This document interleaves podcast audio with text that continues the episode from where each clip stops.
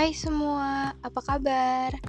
Saya Natasha Elizabeth Simisal Siregar dengan NIM 2011111220003 dari kelompok 6 Abdusen dan dari Fakultas Kedokteran Gigi Universitas Lambung Mangkurat. Dan ini adalah podcast pertama saya. Hmm, di masa pandemi seperti ini, orang banyak menghabiskan waktu di rumah kegiatan bermanfaat yang bisa dilakukan salah satunya dengan mendengarkan podcast ini. Yuk kita menambah ilmu. Menambah ilmu dengan cara yang santai tapi ya. Topik yang kita bahas kali ini itu adalah hal apa yang dapat saya lakukan sebagai mahasiswa FKG selama COVID-19 untuk lingkungan sekitar. Sebelum kita masuk ke inti, Yuk kita kenalan dulu sama si virus yang bernama novel coronavirus. Jadi sebenarnya kalian kenal banget gak sih sama ini virus? Kita tahu gejala umum penderita COVID-19 ini seperti apa? Seperti panas lebih dari 38 derajat, batuk kering, sesak napas, dan ada juga ternyata orang yang terjangkit tanpa gejala. Walau virus ini tidak dapat ditular melalui udara, tapi jangan lupa bahwa virus satu ini menyebar lewat barang-barang dan cairan. Hmm, terus gimana cara kita mencegahnya? Ada beberapa cara untuk mencegah virus corona terkena ke kita. Salah satunya yaitu menjaga kesehatan dan kebugaran agar stamina tubuh tetap prima. Lalu selanjutnya ada mencuci tangan secara teratur. Ketika batuk atau bersin, tutup hidung pakai tisu. Juga kita harus menghindari kontak dengan orang lain, menghindari menyentuh mata, hidung, dan mulut. Lalu kita harus menggunakan masker jika keluar rumah. Dan yang terakhir, jika kita merasa kurang sehat, terutama jika kita merasa demam, batuk, sulit bernapas, segera hubungi petugas kesehatan terdekat dan minta bantuan mereka. Sampaikan pada petugas jika dalam 14 hari sebelumnya kita pernah melakukan perjalanan ke, ne ke negara ke negara lain atau ke daerah-daerah lain. Ya, istilahnya seperti isolasi mandiri gitu ya kan, 14 hari. Nah, sekarang apa sih peran mahasiswa terhadap transparansi data COVID-19 di media? Sebagai mahasiswa, kita harus aktif dan kritis dalam mendukung program pemerintahan guna mencegah penyebaran COVID-19.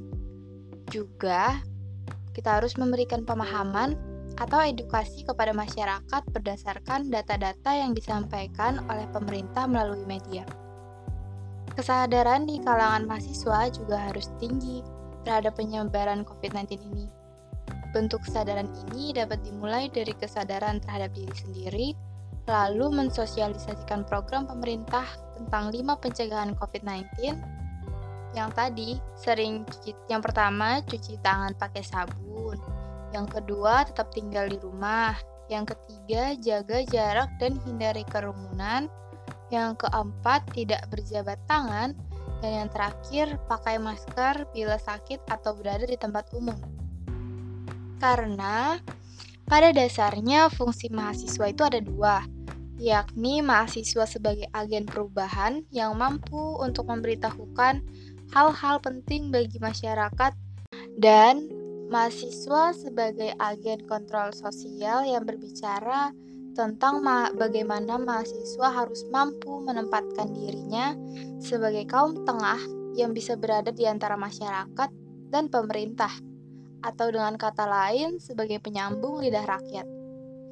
Nah, sekarang kita nyambung nih ke tema podcast kita, yaitu hal apa saja yang dapat kita lakukan sebagai mahasiswa FKG selama COVID-19 untuk lingkungan sekitar.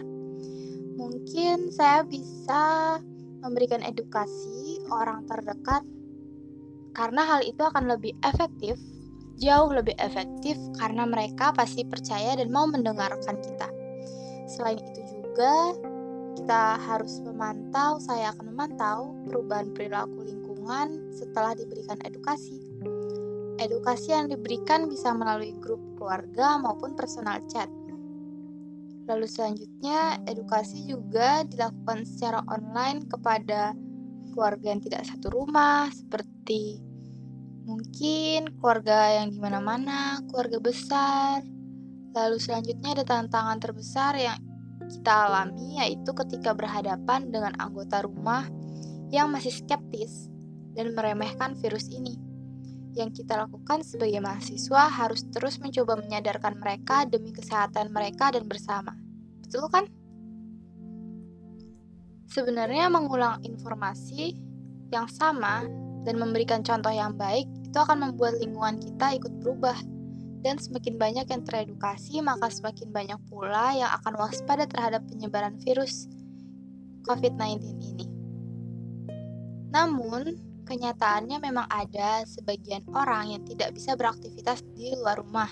Namun, kenyataannya memang ada sebagian orang yang tidak bisa beraktivitas di rumah karena harus menjadi garda terdepan penanganan COVID-19 ini ataupun mencari rejeki untuk bertahan hidup. Memang sedih terdengar, semakin hari semakin banyak bertambahnya kasus. Mereka ini adalah tenaga medis, aparat kepolisian, dan relawan kemanusiaan yang turut membantu demi menangani wabah pandemi COVID-19 ini. Mereka melakukan hal ini bukan berarti pemerintah tidak mampu menangani kasus ini sendiri, tapi sudah saatnya kita semua ambil bagian dengan bekerja sama saling membantu pemutusan rantai COVID-19 ini. Dan untuk teman-teman yang ingin pulang ke rumah, ke kampung halaman, itu harus memperhatikan protokol perjalanan juga. Dan bagi yang memutuskan untuk tidak pulang kampung, tetap di kos aja ya, jangan nongkrong dan keluar dalam keadaan mendesak. Aku rasa sudah cukup podcast untuk kali ini. Terima kasih sudah mendengarkan. See you on next podcast. Bye.